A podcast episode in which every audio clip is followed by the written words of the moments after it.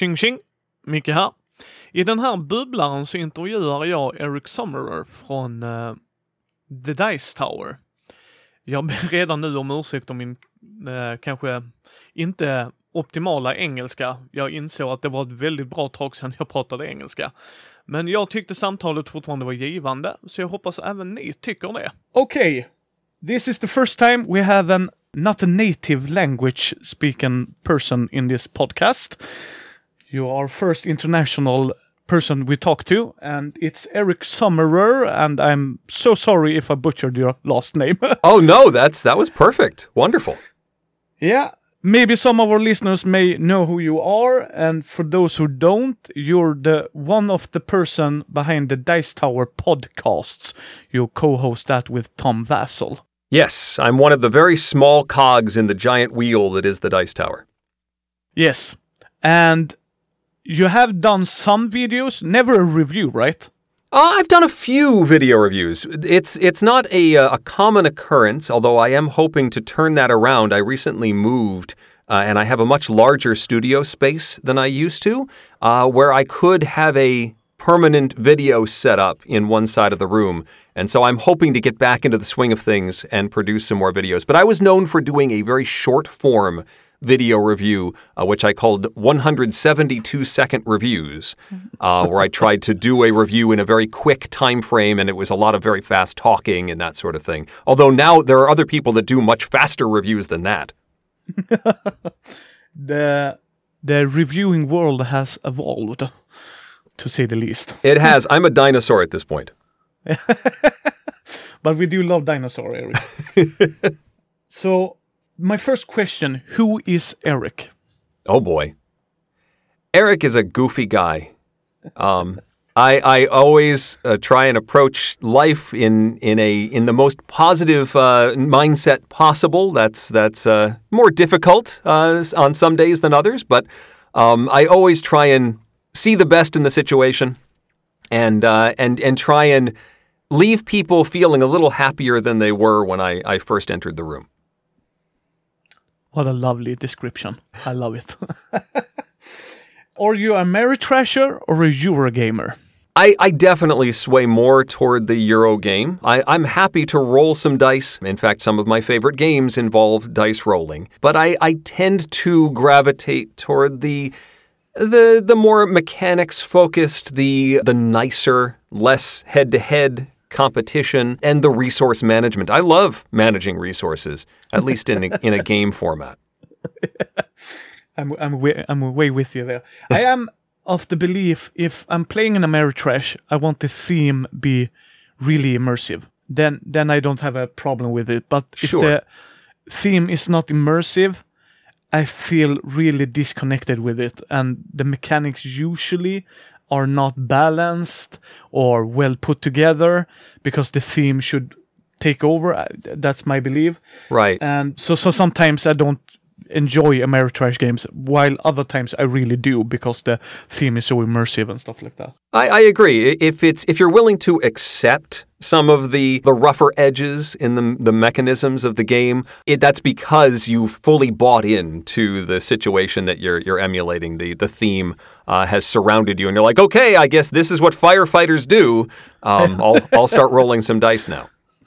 Precisely. I correct me if I'm wrong, but I've been listening to the podcast for like eight, nine, ten years. Yeah, yeah, uh, yeah. And one game I did not like was the computer game. They had an app where you one played with well, a co-op game one to four, and everybody had a role, and you made decision, and then the app and the dice mechanics. Oh, it slipped my mind. It's from a computer game. Oh, is it? Um, it's it's not Specter Ops. It's um Nex Nexus Ops. No, not Nexus Ops either.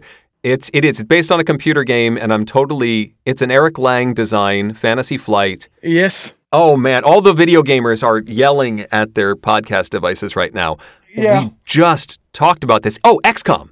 XCOM, precisely. I Yes. did not like that game at all because all my planning went to s- really, really down the drain Yeah. because of dice mechanics, and I thought so frustrated Yes. with, oh, I can't do anything. Yay. I I totally agree. I, I felt the same way on that one. That you plan so much and then things just fall apart. Yeah, there are other co-op games I would much rather play than XCOM. Yeah. I, I thought it was a cool idea, and I really liked how they tried to integrate the app. But for me, all that planning, and I, I, I don't have a problem when losing because I made a bad decision. Yeah. But when I need to do that much planning and my decision was not a faulting uh, error, it's just the dice. The dice told me, "Oh, sorry, you didn't Yep. do." Oh, Yep, yep. Okay, thanks. I know the question to this. Uh, no, sorry, I know the answer to this question.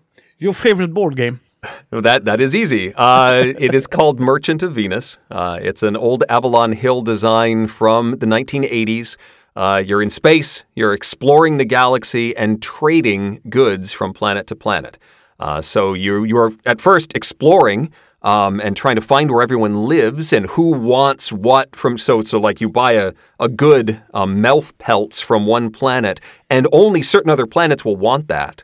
Uh, so you have to find the places that will want to buy those things in order to make money, and then you spend money to upgrade your ship to make it easier to fly around, and gradually increase your ability to do all of this trading and buying and selling, and, and reach a certain predetermined total of money. And it's a race. So you're trying to do this more efficiently than your opponents, sweep in and, and fulfill a demand for a particular product that maybe somebody else is trying to fly in and, and fulfill as well, uh, and get ahead of your opponents that way. It's it's a blast. I, I just love the way the arc works out and and the customization options. And there's certainly a good amount of, of dice rolling uh, in this, and you can have games just go terribly pear shaped if the dice don't cooperate with you. But that's part of the fun. It's this risk versus reward sort of thing. Do I spend extra time moving around the difficult parts of the board, or do I plunge through and hoping that, that my luck will hold out? And I, I like sort of that daring do of Merchant of Venus. I, I can understand that. Do you ever think that that game is gonna get replaced? I don't anticipate it happening. It, it would require something pretty significant to make me unthrone that game. It, it just fires on so many cylinders for me. I just can't imagine a game that would appeal more. It, it's it, it just in, inconceivable at this point. Um, but if I did ever have a new favorite game, we'd have to rewrite the theme song to my top 100, and I don't know if we want that to happen. That that would be lovely to hear. Okay. Wonder if people would notice. They, they'd notice, I'm sure. yeah, I, sure, someone will always notice, but wonder if the whole mass of people, the first comment, wait, what? They changed, changed the theme song. Yes. and people, wait, what? It would it would create a ripple, a disturbance in the force of some sort. So at this point, I have to keep it. What's your f- least favorite board game? Oh boy. I mean, there is there's there are plenty of games that have earned terrible, terrible ratings from me. Anything that is just so random it's not even a game. The worst case survival handbook trivia game. I, I Oh. feel like is a terrible game. There was a game based on the Sudoku puzzles that was little more than just a framework for solving a particular puzzle, but because of the way it was designed, you earned points for completing sections of the puzzle. But at some point, it became, it was sort of like those boxes, you know, the lines and boxes game that you can play. Where if somebody creates a box and then gets to go again, they can basically just run the board Oh. it, this was one of those where if I completed one piece of the puzzle, then you were forced to set me up to complete another piece of the puzzle, and I just constantly earned more and more points ahead of you. And at some point, you didn't want to complete sections of the puzzle. It was terrible. It was a terrible game. I'm not even sure why I'm talking about it. Just bad. Bunko. Bunko's another game I don't like. My least favorite is A- Agricola. Oh no! Yes. And that's because I feel like the game is telling me how to play the game. Ooh. Yeah. Agricola is uh, still pretty high up there for me. Uh, Yeah. I, I understand that, and I can tell you, I, I understand why people like it. I really do. I Yes. really do. I have friends who love it. We are in currently right now uh, recording our our top hundreds Okay. uh, board games, and I have a friend that has it on his list, and I can I, I I hate that game. I hate it so much because it's boring for me. Yeah. You want to be a farmer in the Middle Ages? No. Sorry, you are one now. Do you want to have cows in your farm? No, then we're gonna punish you for you not having cows in your farm.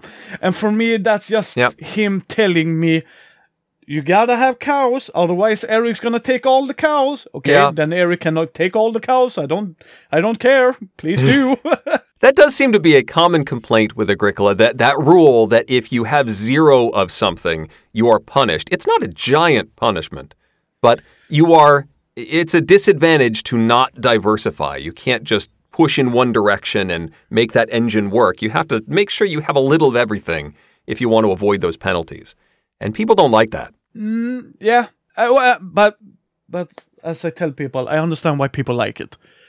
It's not a game that people hate. I mean, it's just it's just not for me. So that's my least favorite board game. It's one that it's not even touching my one top hundred list ever. well, nope, hell no. Yes. Your favorite mechanic, game mechanic. Well, it, it's you know these games aren't necessarily my number one or number two. I think on average, the the mechanic that has me most interested is going to be deck building, Oh, which is which is a. I mean, I'm, I'm almost interested in. Tr- I'm almost always interested in trying a deck building game in some form. But deck building is just a specialization of engine building, which is also that that would be my second choice. So really, it's engine building. Uh, although I like it in card format, I'll I'll draw things out of a bag and and you know bag building, engine building, deck building, all of that, making my system better and more efficient is just that just makes me happy to be able to do that sort of thing and to see my system work by the end of the game, if I can manage to do that, is so rewarding, satisfying. I love it. Engine building, deck building specifically. yeah, I concur. That's what actually one of my favorites as well. My favorite, one of my favorite games in that genre is Monumental. I really, really loved how they did that with uh, that every every time you buy a card, it's on top of your deck. You have a tableau, three times three cards, and you can only what do you call it? From up to down, from left to right. Column Yes, or row? you- yeah. yeah, column or row. Yeah. Thank you.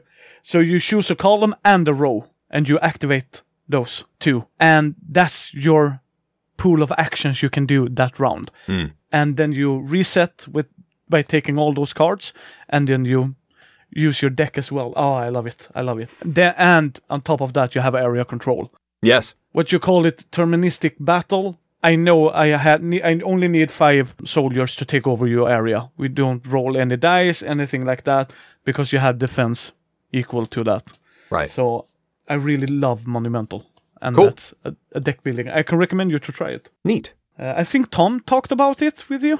I, I feel like I've played Monumental once, but the way you're describing it doesn't sound familiar to me. So maybe I wasn't paying attention. You are Danish. This is the base game. Uh, Egyptians, oh, Chinese, I think Greece. It sounds familiar, and Yeah. and you it has a nice cardboard uh, wonders of the world that you can Yes. build, and they can only go in certain sections of the of the hex map, and I, I Yes. remember it, and I, I remember enjoying it. Yeah. I kickstarted it with a total chance because uh, oh, we have a deck building, column and a row. Oh, it's intriguing. And I quite a bit heavy money because they were plastic figures. But I Oh. really did, yes, but I really did enjoy it. So I can recommend you to play it some more. If you I would like to. I only got to play my one time almost a year ago. Actually, it was uh, at the last convention I went to before things started shutting down uh, at Dice Tower West last year. Yeah. Uh, what's your f- least favorite mechanic? Least favorite mechanic. I mean, just random random roll and move with with absolutely nothing beyond it. Uh, again, no choice. uh, I mean that that's really it. I, I will I will work around just about anything. But when I don't have a choice, that that angers me. And I, I guess if we're talking about real mechanisms, uh, we sort of talked about this before with with XCOM. I far prefer input randomness, where you roll the dice or draw the cards and then decide what to do about it, than I do output randomness, where you say, I'm going to try and do this and roll. Yeah. and see if it succeeds or not. It like I really don't like Gloomhaven does this, the Arkham Horror card game does this where you say I'm going to try and do this and then you pull a card that has this modifier that says, "Oh yeah, that didn't work." Like what? But I it's sort of like a lose a turn card and that irks me more than many other mechanisms. So I guess if I had to pick a real mechanism, it's it's that output randomness. I want to do this. No, you can't do that. Oh, well, great. Uh, and usually in those games, I can't do anything else. Like you said, it's it's just oh, I didn't do anything on my turn. Yay! Well, I mean, I'm I'm fine though if if the the randomness comes in and then I have to figure out, oh, well, okay, so I can't do what I wanted to do, but I can still do I can still take actions and work around it and maybe achieve something. I'm okay with that. Yeah, I got a horrible roll, but I can still do something. But the whole, oh yeah, that didn't work. Next, I, I don't know. I don't like that. I, I'm with you there. I'm with you there. And roll and move. and roll and move. That's a mechanic. Roll and move can work, but it needs to have something more to it than just roll the die and move forward. Yes, I, I'm with you. I'm with you. What's your favorite theme for a board game? Space seems to fit a lot of my favorites. Civilization building is usually something I enjoy, but I tend to like the tech tree part of things. You know, the again, the engine building, the if, if I'm in a civilization game, I will try and build up my sandbox, my zone, as best I can. I have almost no interest in a military strategy at all and I have to continually remind myself, oh, the other players might not have that same approach. And so I need to at least build up defenses. Even if I'm not going to attack anything, I need to build up the ability to block those points. But that I, I love building up a civilization, uh, building up a city or resource gathering and all of that. So that really appeals to me, uh, having some sort of area that I can call my own and develop. I'm with you there all the way. I love civ building. I have I have a really fond memory of Batman. Uh, little side note about myself. Uh, I grew up in a home where my mom is a user, uh, so she uh, drug addict. And uh, but when I was at my grandma's place, that's safe haven for me. And I used to watch uh, on Saturday morning Batman the animated show Ah, and I used to read Batman comics. That was my escape from my horrible life. And Batman is one of my themes that I always buy the game. It Sure. doesn't it doesn't bother me. But the next thing is Civ games. I love the te- exactly the same reason. Yep. I love the tech tree, and I usually see a friend building up his army. Oh. Uh oh, this is not gonna go well for me. Yes. I'm gonna need to build up an army, or he's gonna own me. Yep. And the question is, can you? If did you realize that early enough that you Yes. can prevent that from happening, or is it already too late by the time you notice? And I have fallen on that latter side of the coin way too many times. Oh, wait a minute! All my technology is about to collapse. Do your game group know that about you? Oh, Eric's never never gonna go attack me. I can. Uh, I think I'm sure that that I have uh, been around them long enough that they're aware of it. But occasionally, I do know that they think that, and so I will sometimes make you know I'll take advantage of that and say, well, the opportunity is here. I'm not going to ignore an, an awesome opportunity if I can take advantage of something, but I know that I, I tend not to want to begin the cascade of if I do something aggressive against you, well, then you may very well do something against me, or you're going to build up your army, and now I have to continue on that aggressive path, or we're going to just bang each other's heads, uh, and it's not going to work out for me. So I, I tend not to want to start that. Um, I'd much rather be like, hey, you leave me alone, I'll leave you alone, and we can build up our tech trees. It'll be great. Yeah, I'm with you there. Your least favorite theme? Least favorite theme. I am not one of those who decries the trading in the Mediterranean. I think that's usually okay. I, you know, generic fantasy, or no, no, no, probably Cthulhu.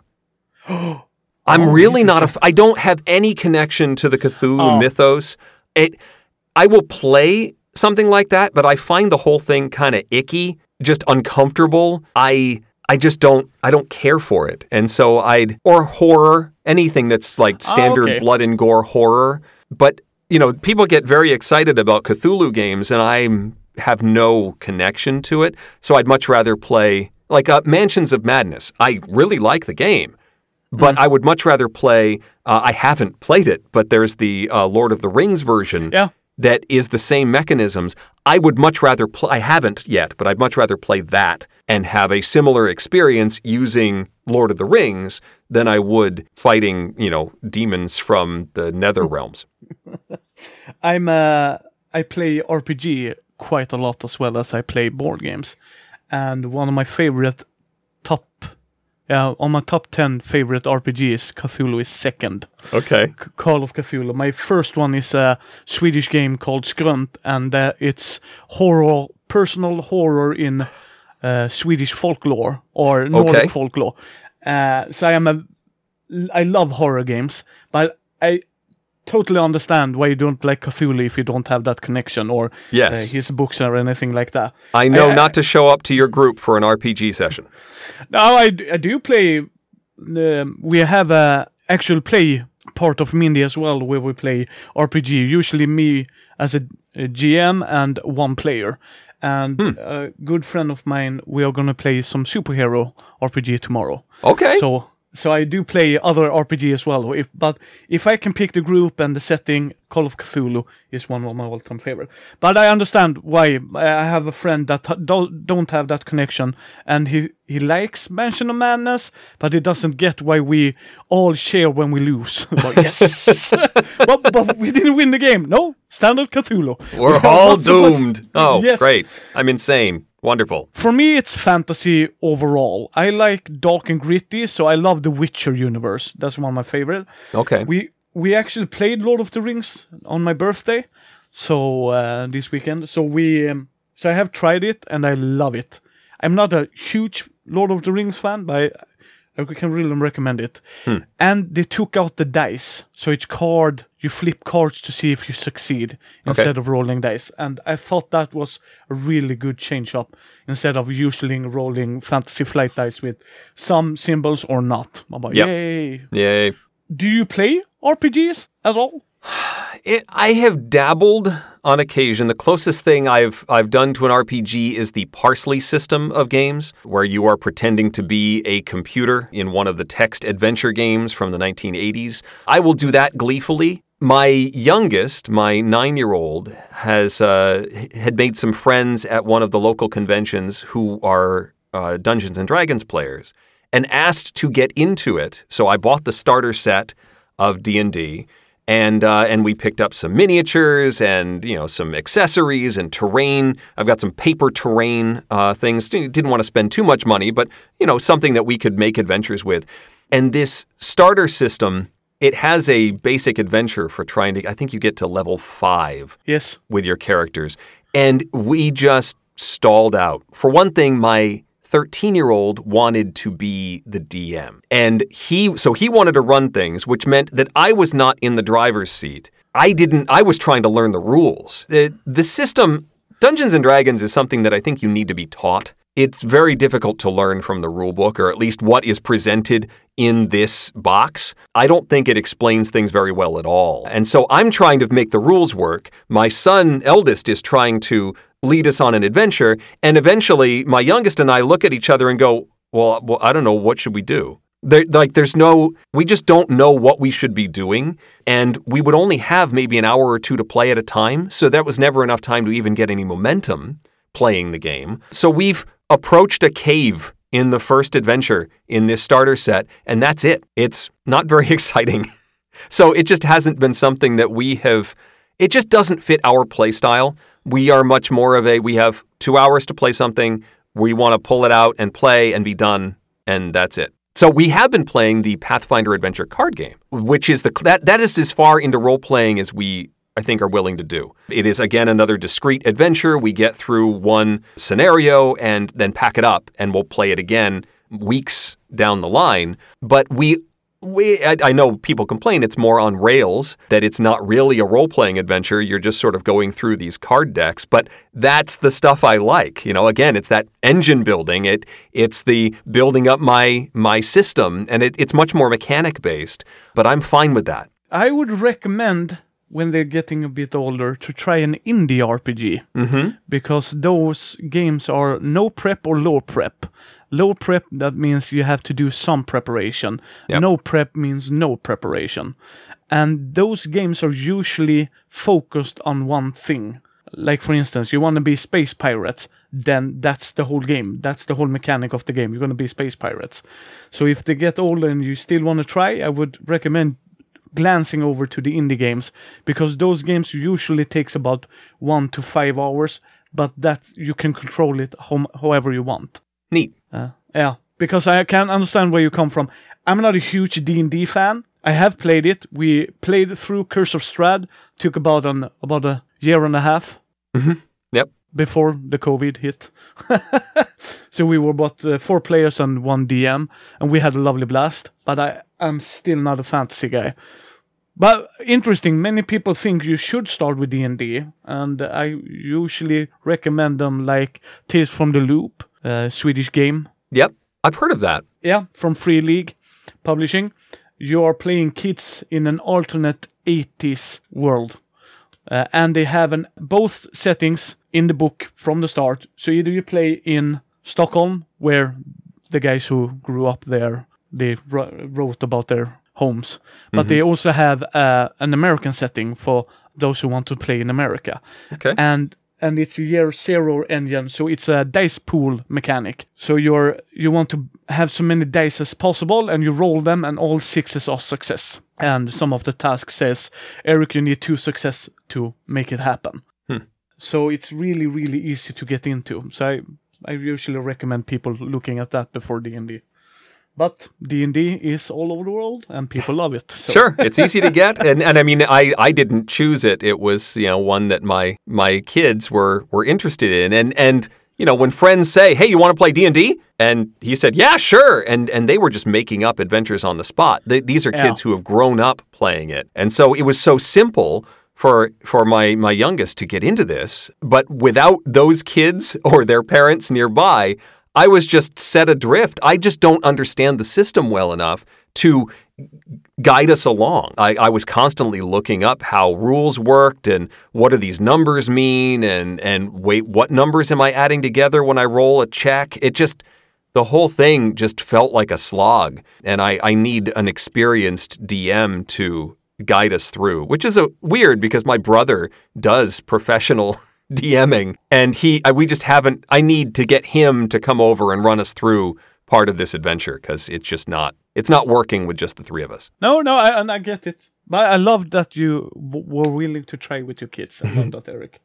Because sometimes you do have to sacrifice your own fun because you of your kids Sure. and try to experiment. You're part of the Dice Tower, Yes. even if it's just mainly at the podcast. You usually did four episode a month. Now it's half that because every other week it's you and Tom. Yes. But how did that start? Uh, the you mean the the time frame or how? Or no, you joining the Dice Tower. How, Okay. How, how did it all begin? Well, uh, I mean, the Dice Tower existed before I was involved. I was a listener of the podcast before I I got into it. I somewhere around episode forty or fifty of the podcast, I was listening to Joe Steadman and Tom do their show, and I recall at some point hearing that Joe was leaving. He left around episode fifty.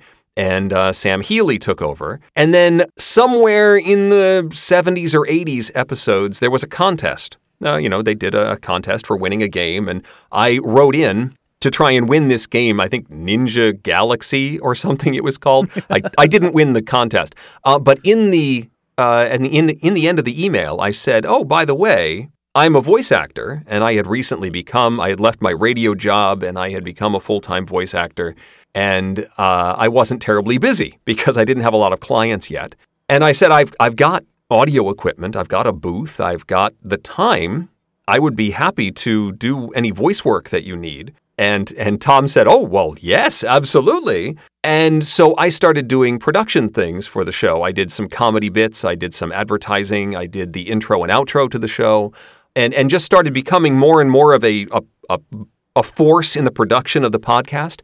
And then when Sam announced he was leaving uh, around episode 150, I was the natural choice to take over, and uh, that was 2009 when I was first, and we went to Origins. I met Tom at the first for the first time at a convention where we we announced that I was the new co-host, and uh, and from then on we've been working together, and we were every other week for a while, and then we picked it up and started doing every week.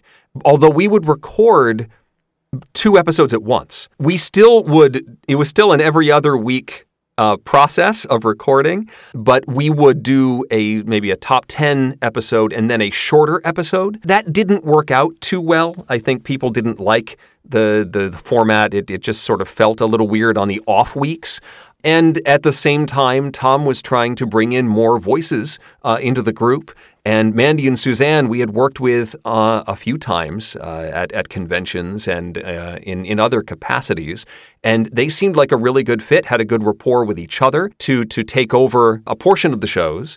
And what we've been trying to do lately in the last year or so is mix it up more often. Instead of just Tom and Eric, Mandy and Suzanne every other week, we we sort of discovered that we had the most fun when we were able to mix it up. And, and, you know the shows that all four of us were on, or when we'd be at a convention and record something, or uh, when one of us was filling in for the others. And so now we've got sort of a schedule where we'll do a, a two, two, and then a three, and then a two and a two and a three. Uh, so we will add each other into, I, I, guess, for lack of a better word, a Tom and Eric episode. We'll, we'll have Mandy or Suzanne on. And then for a Mandy Suzanne episode, we'll have Tom or me come on. And just playing in that other sphere is kind of fun. And it, it brings out some interactions that we wouldn't necessarily get. It shakes things up and, and hopefully brings some listeners who may have not totally transitioned to the four host format. And maybe we can bring a few more people into those episodes and, and uh, sort of spread it out a little bit, which is great. Yeah, I love the I love the format. I really really do enjoy hearing Suzanne and uh, Mandy talk about games because as you as you said, more more voices and more female voices. Sure. Because female actually do play games. it's amazing. What do you who knew? Who knew 2021? Ooh, what a what a different world we live oh, in. Oh boy. Yeah, oh boy. But I, I really think that's still important to show people it that we have female players and they have good chemistry. And I love it as you told, when one of you pop in or all four of you, because you have good chemistry between all of you. Yeah. And it's really, really enjoyable to listen to. I really enjoy it. I'm a truck driver, so I have I work odd schedule. I'm a I I transport liquid nitrogen oh, in boy. a tank. Yeah. So I have sometimes some days I drive eight hours. Okay. And so I listen to a lot of podcasts and every Tuesday or Wednesday, it depends Yep. Because I'm living in Sweden. Uh, I put you in the list and listen to Tom and Eric, or sometimes Susanna Mandy, or sometimes with all of you. And nice. I really, really, really love it.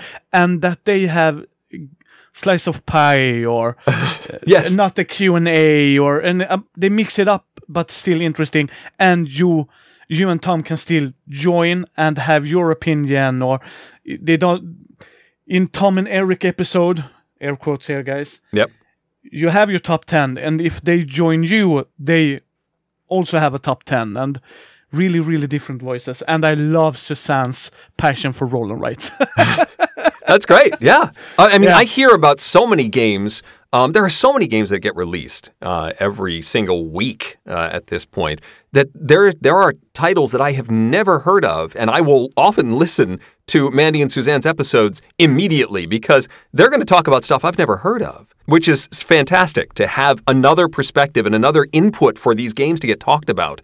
Um, stuff that would not have been on my radar if we weren't working together, which is great. yeah I, I totally agree i totally agree because it's a nice nice ch- change up because you have different people with different ideas and different perspectives as well because we are different persons for instance mandy lives in canada she talks about how more expensive some games are Yeah. and you should take notice of that or if it's uh, Walmart exclusive or any other type of exclusive, she can tell we I can't get it in Canada. Yeah. So so really really really love the change up. But it takes a lot of time. Still if it's time you have, it's still time it takes. Yeah. What do your family think of you doing this? Because it's one thing to doing sometimes, but you usually, when convention was a thing, you were at some of the convention, and sometimes, did you bring your family or is it just Eric? It was pretty rare that I would bring the family. Uh, we did come to a few conventions. We did one Origins together. We did one of the Dice Tower cons in Florida together.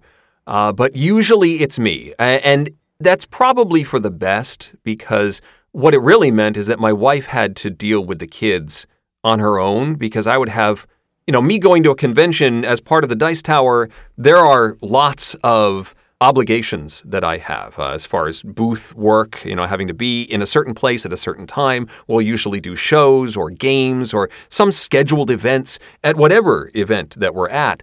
And I would have to be not dad for a while and focus completely on whatever my duties for the, the show for the Dice Tower were. And that made it tricky, um, I think, for, for my family.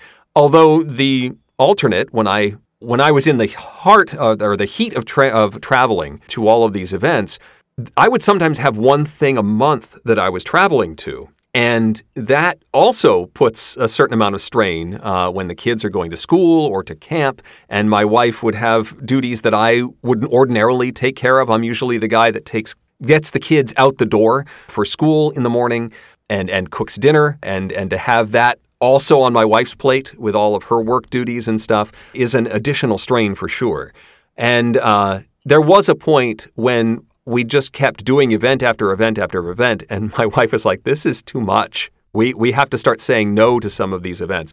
And there are a few that I would love to attend that just we had to cut them out of the schedule. Be- Board Game Geek Con is remains one of my favorite events in board gaming, but I have not been able to attend it in the last several years because it is too close to some other things. And it's just one thing it's it's right next to Thanksgiving here in the US and so family obligations had to take precedence to going to another fantastic convention. And there have been a few events like that that have had to fall by the wayside. And I've had to focus on the the Dice Tower branded events and and ones that are so big that we can't ignore them, like uh, Gen Con and Spiel, just because they're they're so big. I would not want to give up Gen Con or Spiel. But Origins is one in Columbus that I've I've had to say no to recently as well. It's just I can't do one more event in the course of the year. Plus, I, it's it's time that I have to spend away from work. As a self-employed guy, I can say I'm just not working this week,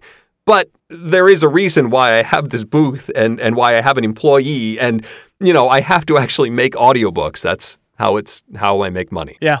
No, I, I get it. That's why I think it's important to to talk about it as well because I love meeting you and I understand what you do for the hobby and that's why I wanted to talk to you. But still, Eric is a dad. It's it's that balance. I love going to events. I love it when I'm there and and get to see people, especially when it's an area that we don't normally get to see people. You know, uh, there are folks that get to see us at Spiel that don't get to come to any of the other conventions we're at, or different areas of the U.S if we're able to do a West Coast convention or an East Coast convention, there are folks who won't travel to the other end of the country. That's fantastic to be able to help run an event somewhere there or, or running an event uh, in, in my local area.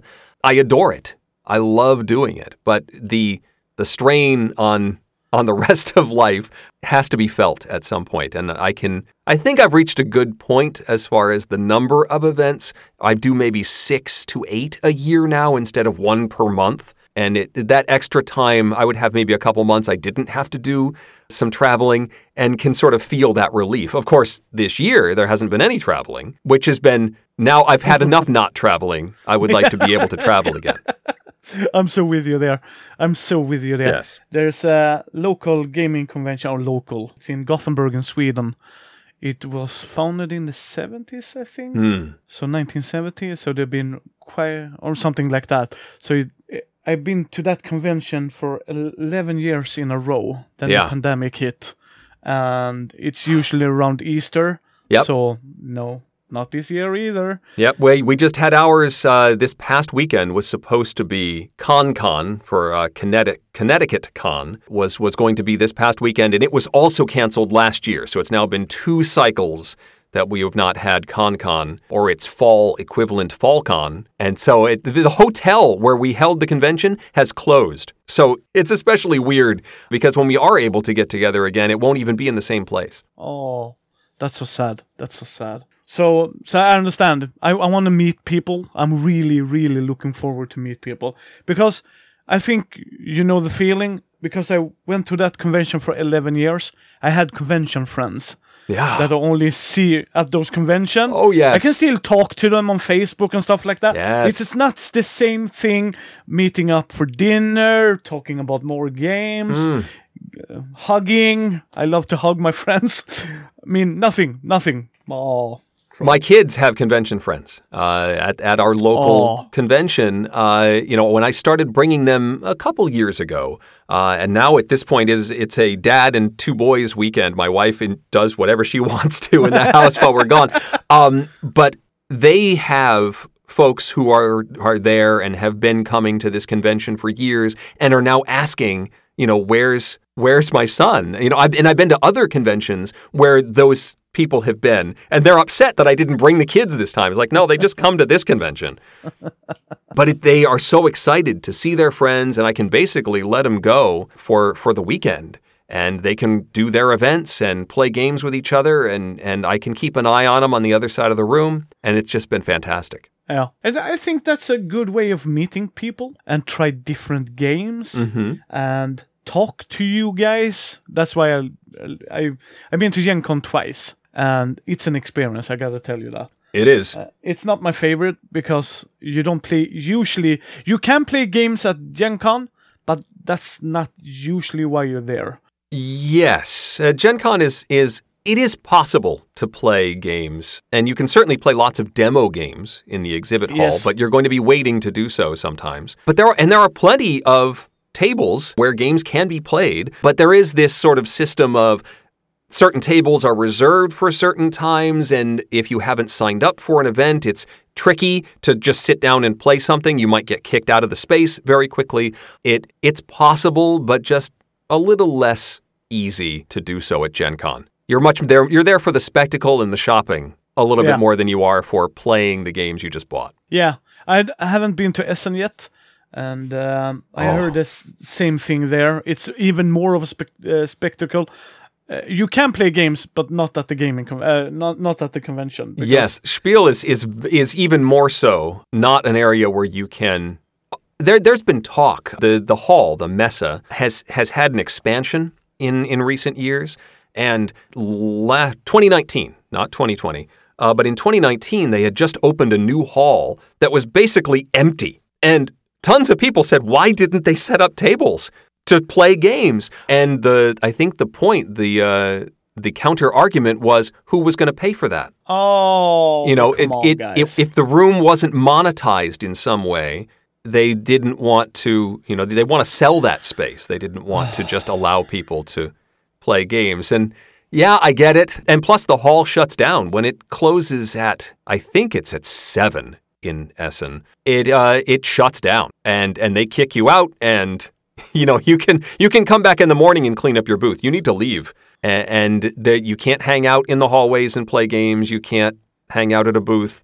It shuts down. So a lot of the game playing happens at hotels and stuff nearby, but there's only so much room for that too. There's there is not giant swaths of tables to play games on. no, but I've heard that it's compensate. It's compensated by all the hotels you can play games at. True, there are there are lots of places to do so. Yeah, I have a friend that been there 14 years in a row.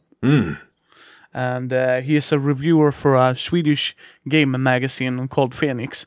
Uh, and he's the board game reviewer. He usually talks about uh, tabletop RPGs, but he is the true champion for board games in that magazine. Excellent. so he, yeah, so he goes there for work in air quotes because he has other, he has a real job. but, but he loves, uh, he really loves board games, and he told me that eh, really, Essen, you can't play games. You can try some demos, yep. but not every booth have them, and it's more of a shopping spree more than Gen Con because because in Gen Con you have the World Championship in X-wing, you can attend to that as well, but not and not not even close in Essen. Right. You've been with the Dice Tower since 20, 2009, Yeah. was it? Yeah. What changes have you seen in the hobby since you started with the Dice Tower? Oh, I mean, there have been many. I think the blending, I mean, you asked me very early on, am I a, an Ameritrash player or a, a Euro player? Those lines are a lot more blurred now. Yes. There, while there are still plenty of uh, quote unquote pure Euro games or pure Ameritrash games, there's a lot more borrowing of mechanisms and styles. It it is much more about the the feel of a game and what you're trying to achieve emotionally as a game designer than it is about fitting into one of those two buckets. There are there are there's plenty of dice in Euro games, and there are plenty of very complex, well integrated mechanisms in the uh, the traditional American style game. It's tho- those borders don't really exist anymore. And plus, it's not just Europe and the US either. You've got creators from South America, from uh, Japan, from all over the world, which is why I love going to Spiel and getting to encounter these designers from everywhere. And and the shared love of, of the board gaming hobby just intermingling with the design ideas from all over the world, it's fascinating. And and I think that's probably the biggest change. And while I would not have been involved in the Dice Tower without the internet, that was certainly a, a main part of our lives in 2009 as well. But the ability, the, the shrinking of the world is probably the biggest thing. Uh, the ability to get games from anywhere in the world, uh, although you're going to pay for it in shipping, but also the the release schedule. It used to be that a, a game that came out at Essen, that was released at Essen, would be released in German or some other non English language, and then eventually, six months down the line, we might get to see it over here in the US. That's not the case anymore. You get these simultaneous releases, multilingual editions. It is, you might have to wait a week or two from the, the Essen Fair until you start seeing copies in the US. But it's not nearly that sort of delay that we used to see, you know, 10, 15 years ago. And so that that world and plus the the adjustment of of just realizing that we are in a global marketplace for board games and not just your friendly local game store and interacting with people from all over the world and playing. We can use one of the digital uh, platforms and play with people all over the world on Yeah. Board Game Arena or Tabletop Simulator or whatever, and actually play a game with somebody halfway across the world as long as they're awake.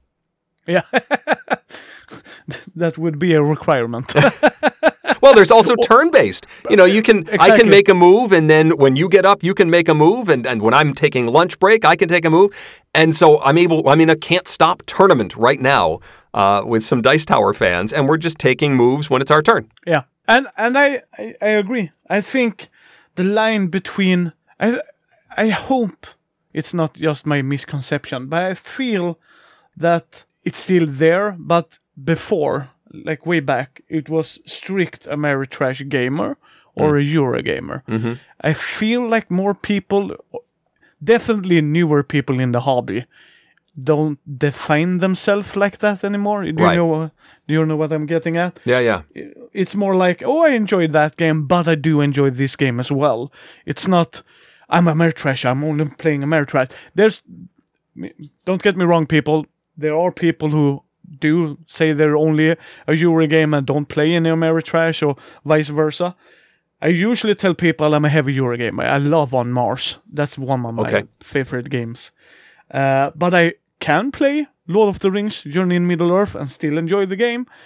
I'm not putting it away just because it's Ameritrash. And as you s- said, Eric, there are games which we can't define because they're so mixed and well welded together mm-hmm. that you could argue, but is it an Ameritrash or is it a Eurogame? Yeah. And I love it. So I think the I think the publisher have all the publishers have seen that change as well. I think they understand that we we don't have one market anymore. We do a board game and people love playing board games. right. And I love that. And one of the things that changed over the couple of years is Kickstarter. Oh, yes.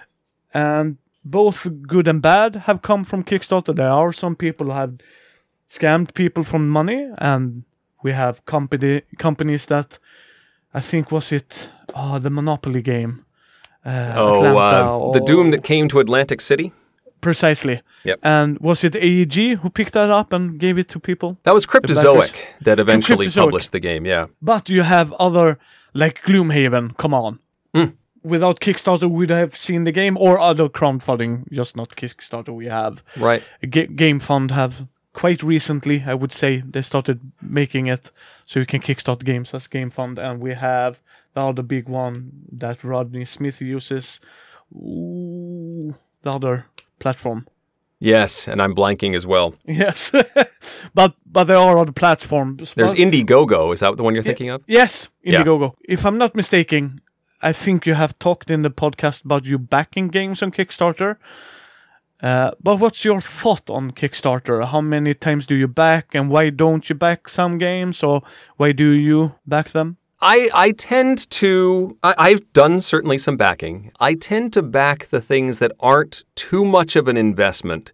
I will, I will buy some sort of um, quirky $30 game uh, much more readily than I would a, uh, a, a large miniatures project. Of course, having said that, I did back the Marvel United giant project from CMON with multiple expansion boxes and tons of figurines and I certainly got swept up in the whole. All right, well, here's this product. Oh, but by the way, you add another $25 and you get this whole thing with all of these characters. And oh, did you notice that Spider Man wasn't in that first box? Well, here's why he's But here. wait, there more. Uh, yes. Uh, so I went not quite all in, but almost all in on Marvel United. And, and I certainly understand the allure. It's sort of exciting to be in on the ground floor and get to uh, experience this sort of rolling process of all of this. And I, I like the small uh, side of Kickstarter as well, where you can find an idea that, that, that is very niche, that doesn't normally have a huge audience and will be a very small print run, but it raises enough money to make it happen. And, and so a, a little quirky card game or a dice rolling game, um, I backed one called Pulp Invasion recently uh, that, that has you know, art from these classic pulp sci-fi books, and it's got some dice rolling and dice manipulation and uh, resource management, but a very small box. It's not a giant thing that would make a huge splash in a local game store, but it looked interesting and quirky enough to back. And I like that you can raise up a creator and give them the funds they need to make that happen. But as you said, the, there's the downside uh, that when you are suddenly not dealing with established companies anymore. I mean, we used to have this this system where a publisher or a, a designer would would give their design to a a publisher who then had the capital and the means and the distribution and the system to make that game happen. But there were enough people saying, "Well, my game's not getting noticed by these publishers. I'll do it myself." And Kickstarter does give you that opportunity, but it also provides a system where things can fail. And I don't think that, you know, the couple of times you mentioned the Doom that came to Atlantic City, and there have been a few others, where the Yeah. designer or the, the creator did not intend to defraud people. It's just something went wrong. Oh, I mean, one was um, Glory to Rome. yeah, the the free shipping all over the world. Yes. I mean, that was this was early on in Kickstarter, and and it seemed like a good idea at the time. But Yes. then shipping rates change, or suddenly you have to jump through a lot more, many more hoops. It was a problem, uh, and and caused some real financial problems for the people running things. Uh, these are real consequences when when something goes wrong, and it suddenly that sort of flame out, that sort that sort of failure becomes very public in Kickstarter, and it's um it's not something you want to see, but it happens um, because you're no longer. And but a, a big company could also have mistakes like this, where they have to issue refunds or say a project isn't going to happen after they've taken pre-orders. It happens. It's just a lot more of a catastrophic failure when it it means somebody losing their house uh, after a Kickstarter campaign, or or the company goes out of business because they just couldn't handle the shipping or or some hiccup in the production process. Yeah, I have interviewed some Swedish designers or productions as well, and producers and stuff like that, and publishers, and they usually tell me you need to know where which countries you can't ship to, mm. because some countries are, it's a loss for you. It's Yes. really a loss for you. You you're gonna lose money. Like for for instance, someone told me Russia because okay, my game didn't come. Okay, we need to send a new game. Yep. It's not a cheap game to send, send because they, we don't have uh, CMONs. I, am not saying that they have gam- games to spend, but they have um, a larger volume of games they're printing, so they Right. get the costs down. So for a small publisher to need to resend to a, a place already a troublesome shipping, they usually tell we don't send because it's too much of a hassle. Sorry. Yeah. You need to get burned once and then you Yeah. never do it again. And it's, uh, I, I've heard Brazil can be difficult. Yes. Um, it's every country has their own hurdles, uh, and then you've got the the VAT and the taxes and import Yeah. duties, and it's a it's a big minefield to try and work around. And even when you have the best intentions and try and make things the best for your your backers, sometimes things go wrong, and again, a package shows up at the door with a bill attached to it. Yeah. And people don't like that. You know, we're, we're all humans and trying to do the best we can, but it happens. And, and that's part of the, the issue with, with the Kickstarter system is that everybody has to, with all of these small publishers, you suddenly have to reinvent the wheel yourself every time. Everyone has to do their own shipping and has to do their own Yeah. calculations and, and solve the same issues over and over and over again. And backers who back a lot of things are like, well, these folks got it right. Why can't you get it right? And Yeah. it's it's hard. And I, I do not envy the people running Kickstarter campaigns and, and trying to ship internationally. It is not something I ever want to try to do. No, precisely, precisely. I'm I'm with you. I and one complaint I don't understand people are saying. They said June 2021. Well, where is my game? Come on, guys. They're, they're not working full times at this, and they. I understand if you don't get any updates. Uh, Yeah. That, that one I understand because what's happening? Are they producing anything? Right. or- Well, there's the fear. You know, you've had the Yeah. projects that did implode, but sometimes there's just nothing to report. A, a good producer will say something, but when a producer goes dark, that is definitely a red flag because that says to me, "Oh, something went wrong." yeah. And and they don't want to tell us. Precisely. So I understand no updates, but if I wait another year for my game, as I tell people, only as I get what I was promised, Right. it can take one, two, three years. Only I just want my product.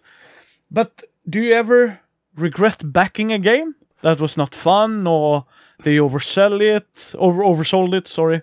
Uh, there have been a few. I, I mean, the, the the issue with backing a Kickstarter game is that you don't get to play it first. There there often isn't there isn't a final product for you to try first. And so there have been a few that I you know, I I backed and I'm glad I got to try, but just didn't end up being the thing I wanted. I backed I backed the Apocrypha adventure card game. We mentioned how I I played the um, the Pathfinder game with my kids. Apocrypha was sort of the distillation or the the reuse of that system in a in a much more horror oriented setting. And as we've discussed, that's really not my theme. It wasn't something I was excited to play in the first place, but mechanically, I thought it was kind of cool. And to have a, n- a new game, a new version of this system, got me excited. But when I finally got all the stuff, and I said, but this, I don't see me ever getting this to the table. And while I played, I think, a couple of solo runs,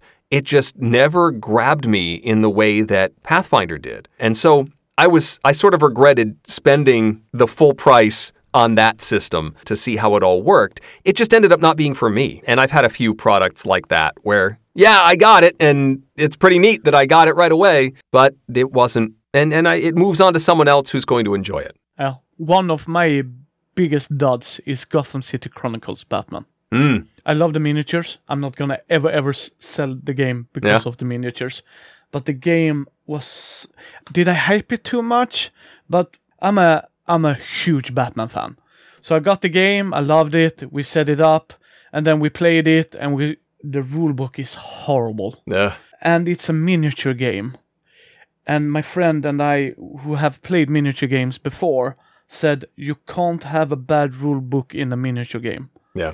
because miniature game players, because yeah, you have a board and stuff. like It's a miniature game, people, and they had a rule: it gets one harder if per enemy in the square, and all. All we felt it was all go to that square and make a test.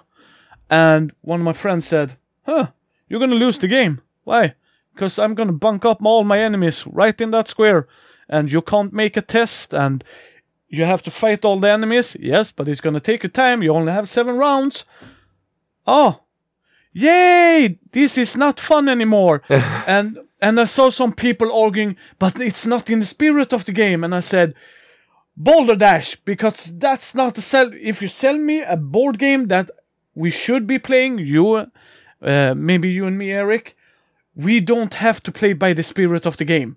The game should have a firm ground to stand on. Yeah. You shouldn't be able to break it so easily. No, precisely. So for me, it just felt dud. Oh, I haven't been playing it since I got it. But I'm not gonna sell it. I love the Batman miniature game, uh, miniatures. Maybe you can use the miniatures for something else. Yeah, tabletop RPGs. I'm, I'm, There you go. I'm wondering about that. But I'm looking forward Batman animated show. Yes. Uh, IDW one. Yep. Because I love Ninja Turtles, the whole dice mechanic, uh, input randomness, as you talked about before. I'm rolling my dice and where I put one on the right side and one on the left side that my neighbors can use. Mm-hmm. I really love that, and plus cool miniatures. So, but but it's give or take. It's a give or take. I usually recommend people look up the company. Have they done something before? Uh, do they back a lot of things themselves?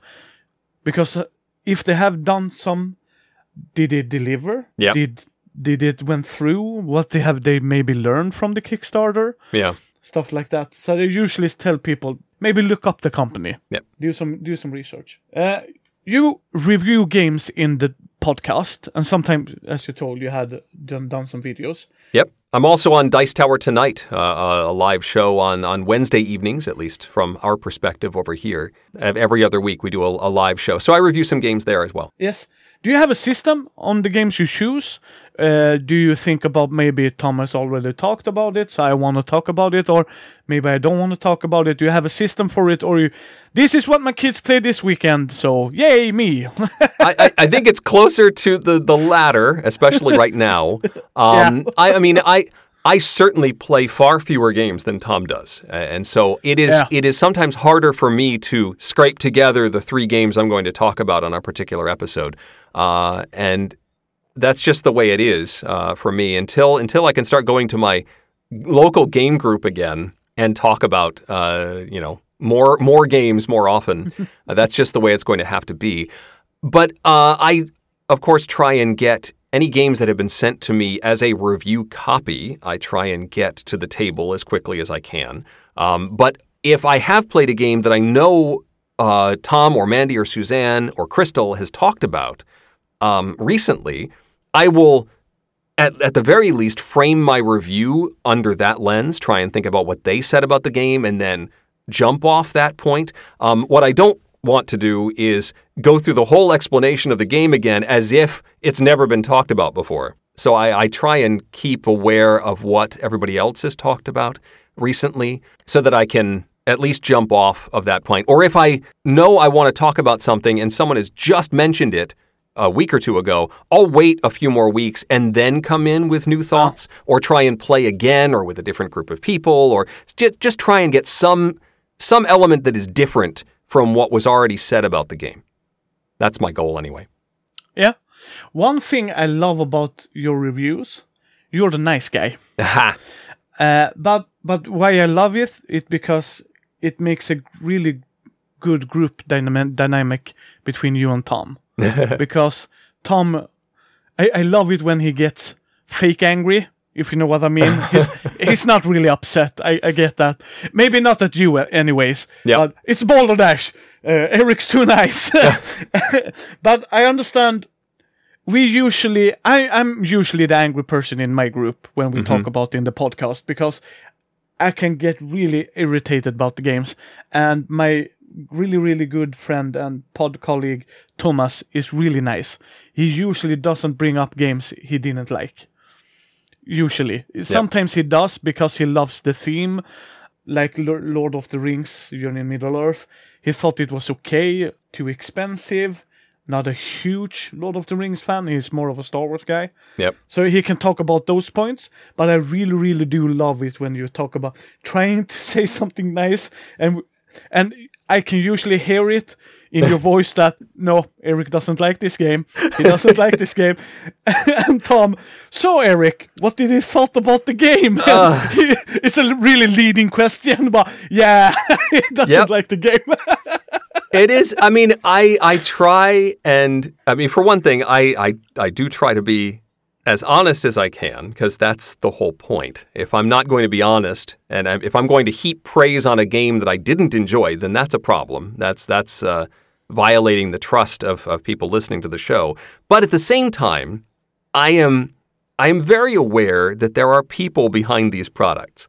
yes. Uh, and and I, I do. It doesn't always work out that way, but I do try and make it so that I can look these people in the eye if I see them at a convention again, and not have them give me this horrible look from across the room.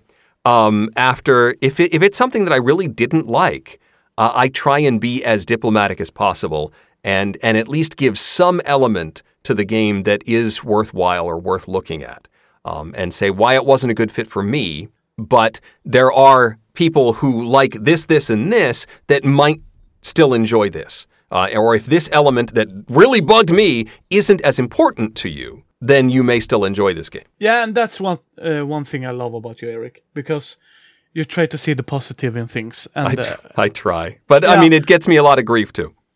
yeah, but but those time I really see when you when you talk about it, like you say, maybe it's a good fit for you. And when those times it's not a good fit for anybody, I really love it when you actually say it with a sadness in your voice. Uh, yep, I'm, I'm sad when I can't find something positive in the game. Yeah. Pre- precisely i i- in on our youtube i do video reviews of uh, first impression of rpgs and i usually talk about even games i would not normally play. If there's something for someone else in them i want to talk about that. I don't want to focus on all the negativity because we have all different preferences and i love that you talk about it. And i love you and tom and suzanne when you're talking about gaming with kids as well that my son loves this game. I don't. But Yes. but or i love this haba game because it really immersed both me and my sons in it. Or Yeah. that you have the younger son and the older son and the younger son loved it more the older not. And i love that that you find those moments. And thank you eric so much for that. Sure. you you do top tens with tom. Yep. uh, you did one with the alphabet and uh, i love you you're not done with that right No, we're close. Uh, we just Yeah. finished X.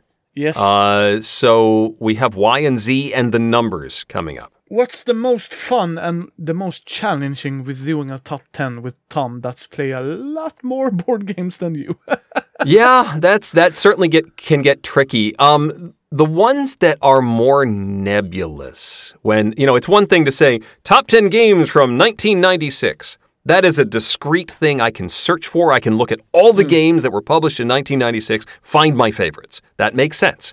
Um, But when it's something like top 10 hybrid games or top 10 uh, games that make us angry, you know, that's a much more difficult thing to research and to think about. And I, I always worry that I'm going to miss something that really should be on the list, um, but isn't because I've just it slipped my mind and I forgot all about it. But at some point, I I sort of came to terms with that. That I know I'm going to miss something on my list, and someone is going to say, "Why didn't Tom and Eric talk about this game at all? I think it's a perfect fit." And I'm like, "Oh yeah, that would have been great." Um, but that's part of the discussion. Um, and if I miss something, that means that there's some other game that I did get to talk about. And and I know that whenever we do one of these lists, it is a product of that moment. This is when I made this list, this was my top 10 and we just let it go. And if I did the same list in a year or two years or three years, it might be a different list. And sometimes it is when we've done the. Yeah. I love doing the uh, the five year, ten year, fifteen year look back episodes where we can sort of revisit games after five years and say what well what does our list look like now? Has uh, often my top three or four stayed the same, but then there's a lot of shuffling around in the other numbers. Games that I didn't play five years ago or have totally fallen off the radar in the last five years because other games have, have swooped in and have gotten a lot more playtime lately. Yeah. What's your favorite top 10 that you've made? Favorite top 10. I mean, I really sort of liked the. Uh, we, when we did a, a top well, for episode 500, which was a big retrospective look back with previous hosts and stuff, we did a top 10 moments of the Dice Tower, uh, where we got to play a lot of clips and uh, clips from live shows and audience participation moments and all sorts of stuff like that. Because you know it's great for for doing um, all of these game analysis segments and and creating a list on this particular topic, but what I love so much is producing the show. I like the interaction with the audience. I like bantering with Tom and Mandy and Suzanne. And I like those moments when we are cracking each other up or when we uh, brought up something that, that we didn't really consider before and have a nice thought provoking discussion. Not necessarily a great review of a particular game, but when we have a great moment on the show. So when we were able to look back at what was it uh, in episode 500, maybe eight, nine years of the show, to be able to say we really liked these moments um, with the four, at that time, four hosts of the podcast. That was a lot of fun. And maybe a little, you know, self-serving and and you know, navel gazing, but it was really nice to be able to go back and look at that history and remember what the the show is and not necessarily just these particular games. Yeah, I, I get the feeling. I mean, episode 500, looking back on all those memories, it's not taking about taking away anyone's enjoyment, but this is the temp, temp, top 10 moments that stand out. I understand. Be- because 500 episodes, a lot of episodes. People. It is. And we just hit 700. yeah, I mean, that was that was 2 years ago. No, more than that. 4 years ago. Oh my Yeah. goodness. I've been doing this way too long. Uh, we're getting old, Eric. uh, one segment in the podcast uh, is a Q&A that, Yep. where you and Tom answers questions. What's the most fun and most challenging with that segment of the podcast? trying well one picking good questions that haven't been asked before or when they are asked before not just giving the same answer um, there are there are certainly topics that show up again and again and i'm sure the same questions get asked again and again and, and trying to give at least some useful information even when i don't have a good answer uh, I, I don't necessarily like the, the times that we say, well, that's a great question. Uh, why don't we ask everybody else and post in the guild at Board Game Geek? And I, I'd like to at least offer some sort of perspective uh, that, that is maybe useful. And so trying to make sure we do some element of that every time we, we get asked a question uh, is important to me. And, and just trying to be as trying to give as much information as possible. Uh, when when someone asks a question, they took the time to write in. They're looking for some sort of perspective, uh, and doing more than just either laughing at them, um, which does still happen, but you know, to, to give something useful uh, that, that that that there's a reason for having the question in the first place. You have an amazing voice for both when you do the Tale of Horrors. It's one of my favorite segments.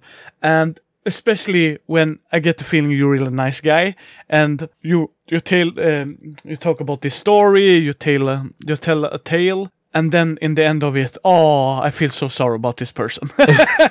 we can hear Eric coming back. yes. I mean, you're reading it in a really, really good voice, people. You should definitely uh, take a listen when you. Uh, I love love the tales of horror, And it always ends with a, a really evil laugh. Um, Yes, and and then that's that's, sort of my cue. I can sort of take a breath. And all right, uh, that's that was terrible, and I really Yeah. don't want that to happen to me. But what?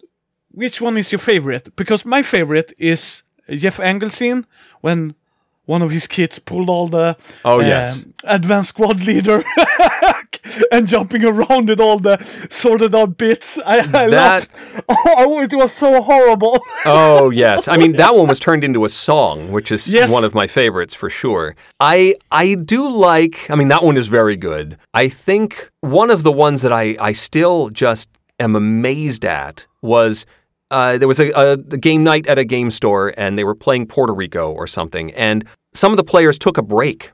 Uh, some had to go to the bathroom. They wanted to get snacks or something like that. But one player sat at the table and continued to make moves for the other players. oh. Uh, and so they got back to the table, and he's like, "You weren't here, so I, I made some moves for you." It's like, what? What?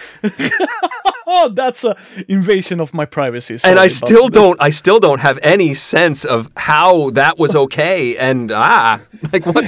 What would you even do? And also the ones where there's just terrible board game carnage, where there were pipes that burst, or a box that flew off the hood of a car, or something. Um, the the person who played Risk twenty two ten and still finds little army men around campus to this day because the the box flew off their car. You're part of the Jack Vasel Memorial Fund. Yes. I really, really love the way that works.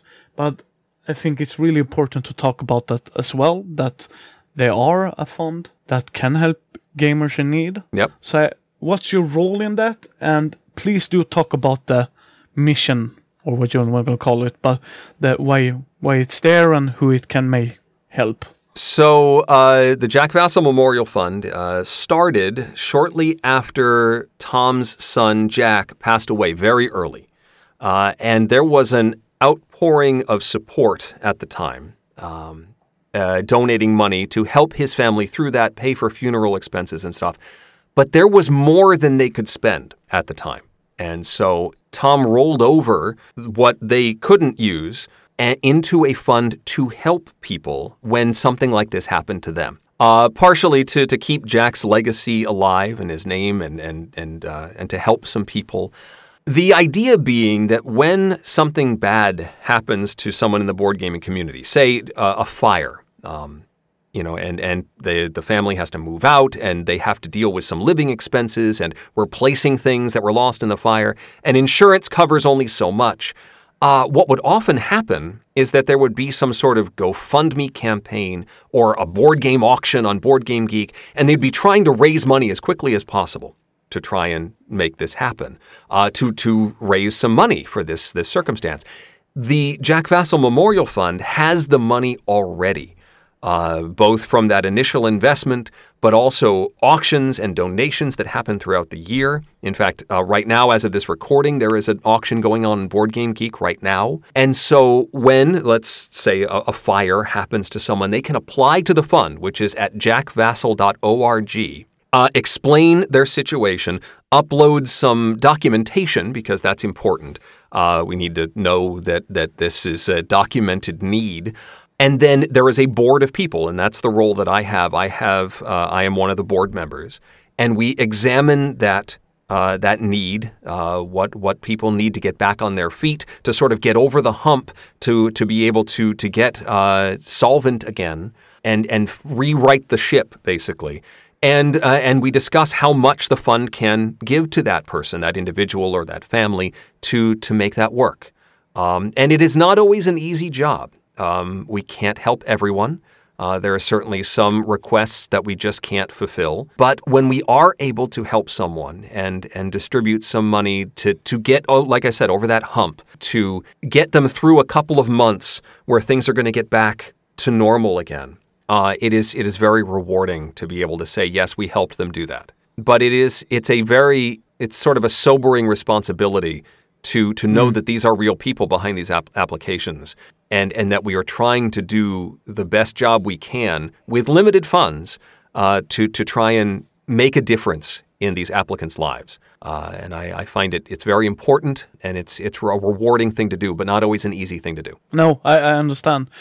Is that international? Uh, I mean, people all over the world can can apply, yes. Uh, and our board uh, also crosses borders. Um, we, we've had we've tried to expand the board uh, and get some new voices and perspectives in in the last few years.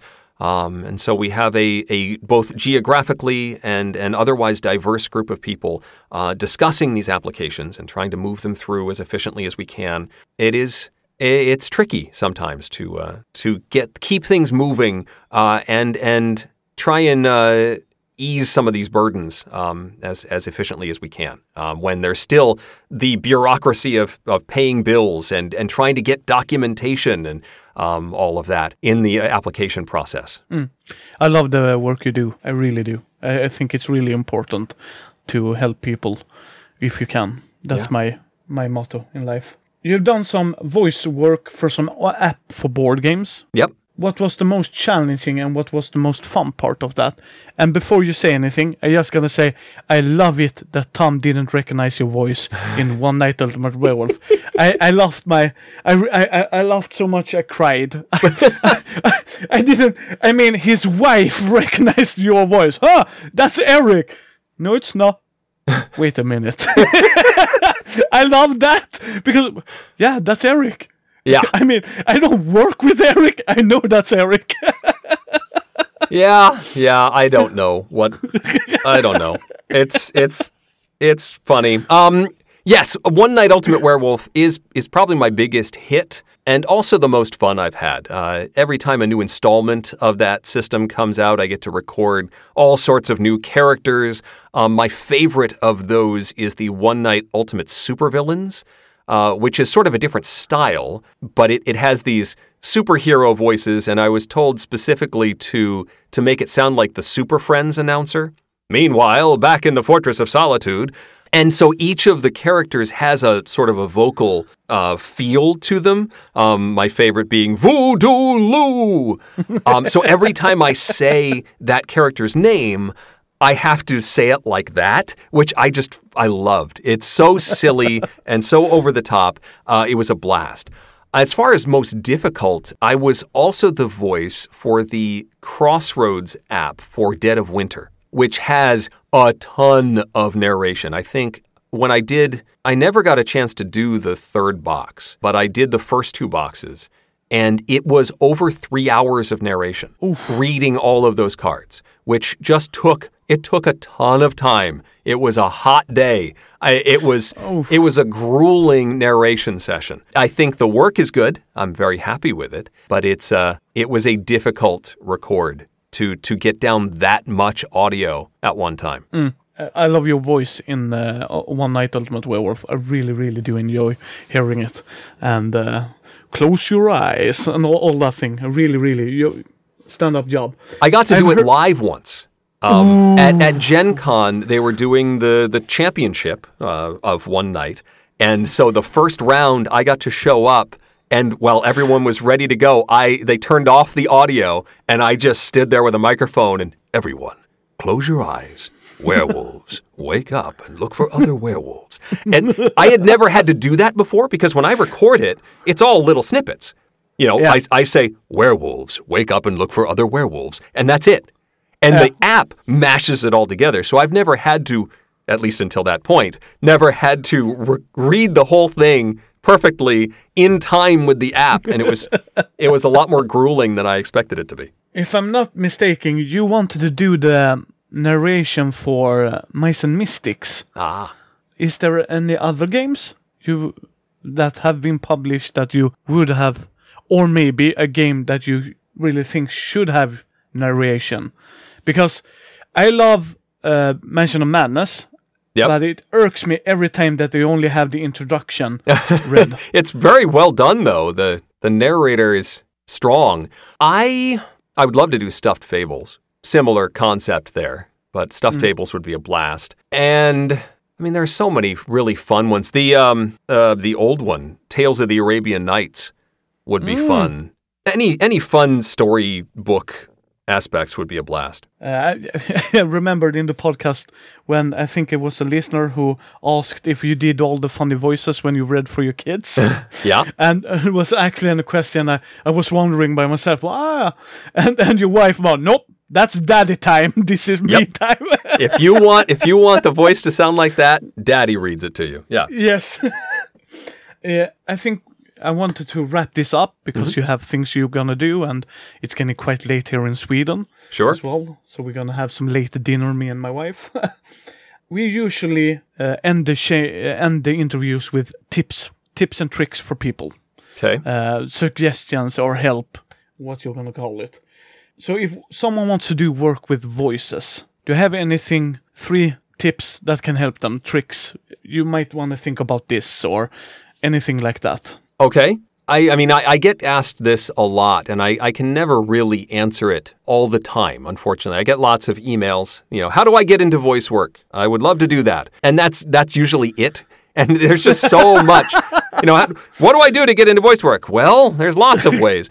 Um, the the first thing that I, I suggest is to get some sort of training. Don't just jump into it. I, I like taking a class or an online seminar. There are even fairly inexpensive seminars you could take from your local, um, you know, community center. There's uh, there are voice folks or, or theater teachers or something that are doing classes like this. But you can also take online courses for just a few hundred dollars.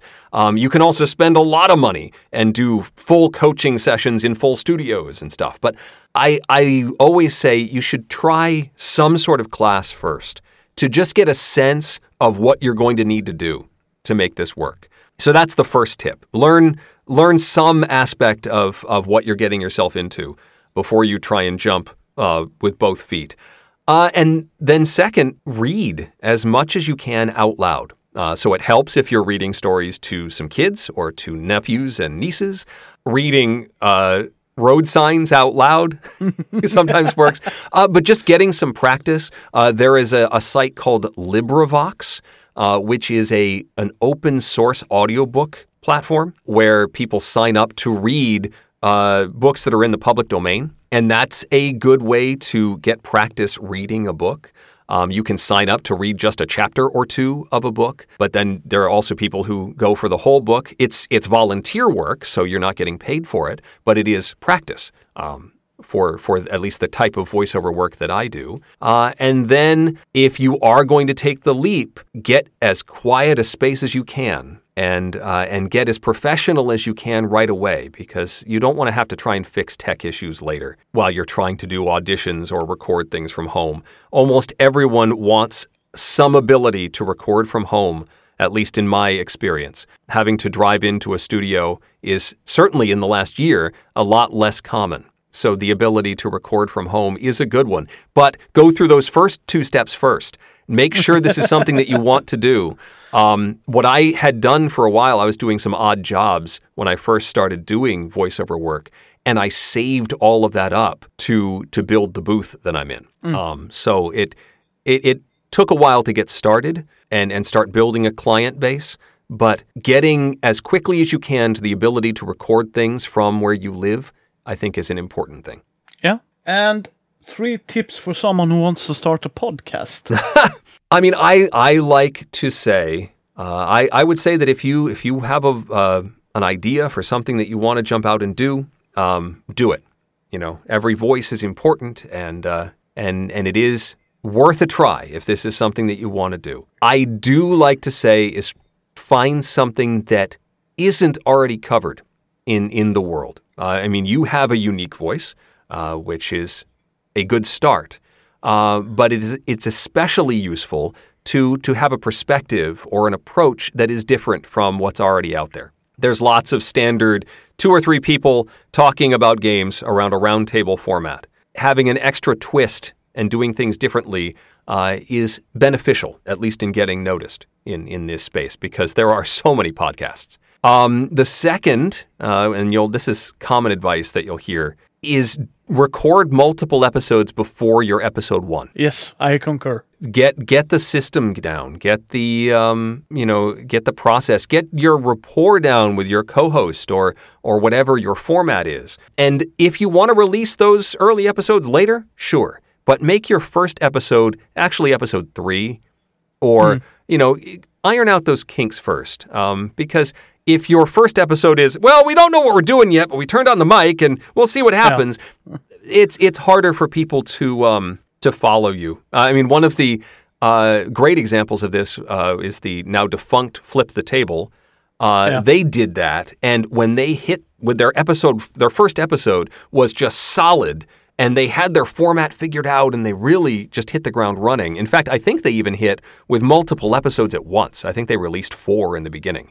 That's not a bad way to go either, because then you get people hooked to have a bunch of that can get binged uh, right off the bat is helpful. And then I'm going to use the same tip number three get as quiet a space as you can. It is difficult uh, when you're, depending on what your living situation is, if you've got kids running around or a railroad train that goes by outside your window, you might need to convert a closet. You might need to make a little cone of silence. You might need to sit under a blanket. But get, get your mic away from the computer fan and find as quiet a space as you can to record because it, it just makes editing so much easier. If you have a very low what they call noise floor if if your audio is clean and uh, and you don't have a bunch of extraneous noise it makes it a lot easier to put things together and you you'll be thanking yourself later. And we usually end this part of the show and interview with the question Why is this hobby so great? This hobby is great because it allows so many people from so many perspectives to come together with the shared joy of, of playing a game. Um, sometimes that brings up speed bumps, uh, and, and certainly we've seen that. But just look at the Essen Spiel Fair. The, the joining together of all of these different perspectives, design ideas, production styles, um, ages, backgrounds, everything coming together with the goal of playing a game together. Um, sometimes that goal is trickier to reach, but that's still the goal, and the the goal is the point, uh, and and striving toward that goal, and and the closer we get to it, the better. Uh, and and having that as a goal, I think, is fantastic in the board game sphere. Thank you so much, Eric, for you taking the time to join us in uh, on Mindy here. It's been such an honor uh, to talk to you. Thanks for having me. Tack för att ni har lyssnat på Mindys bräd och rollspelspodd. Ni hittar oss på mindy.nu eller på Mindys bräd och rollspelspodd på Facebook, Twitter, Instagram, Youtube. Vill ni stötta oss, ta en titt på vår Patreon. Ge oss gärna ett betyg på iTunes eller på vår Facebook-sida så fler kan hitta oss. Så hörs vi nästa gång!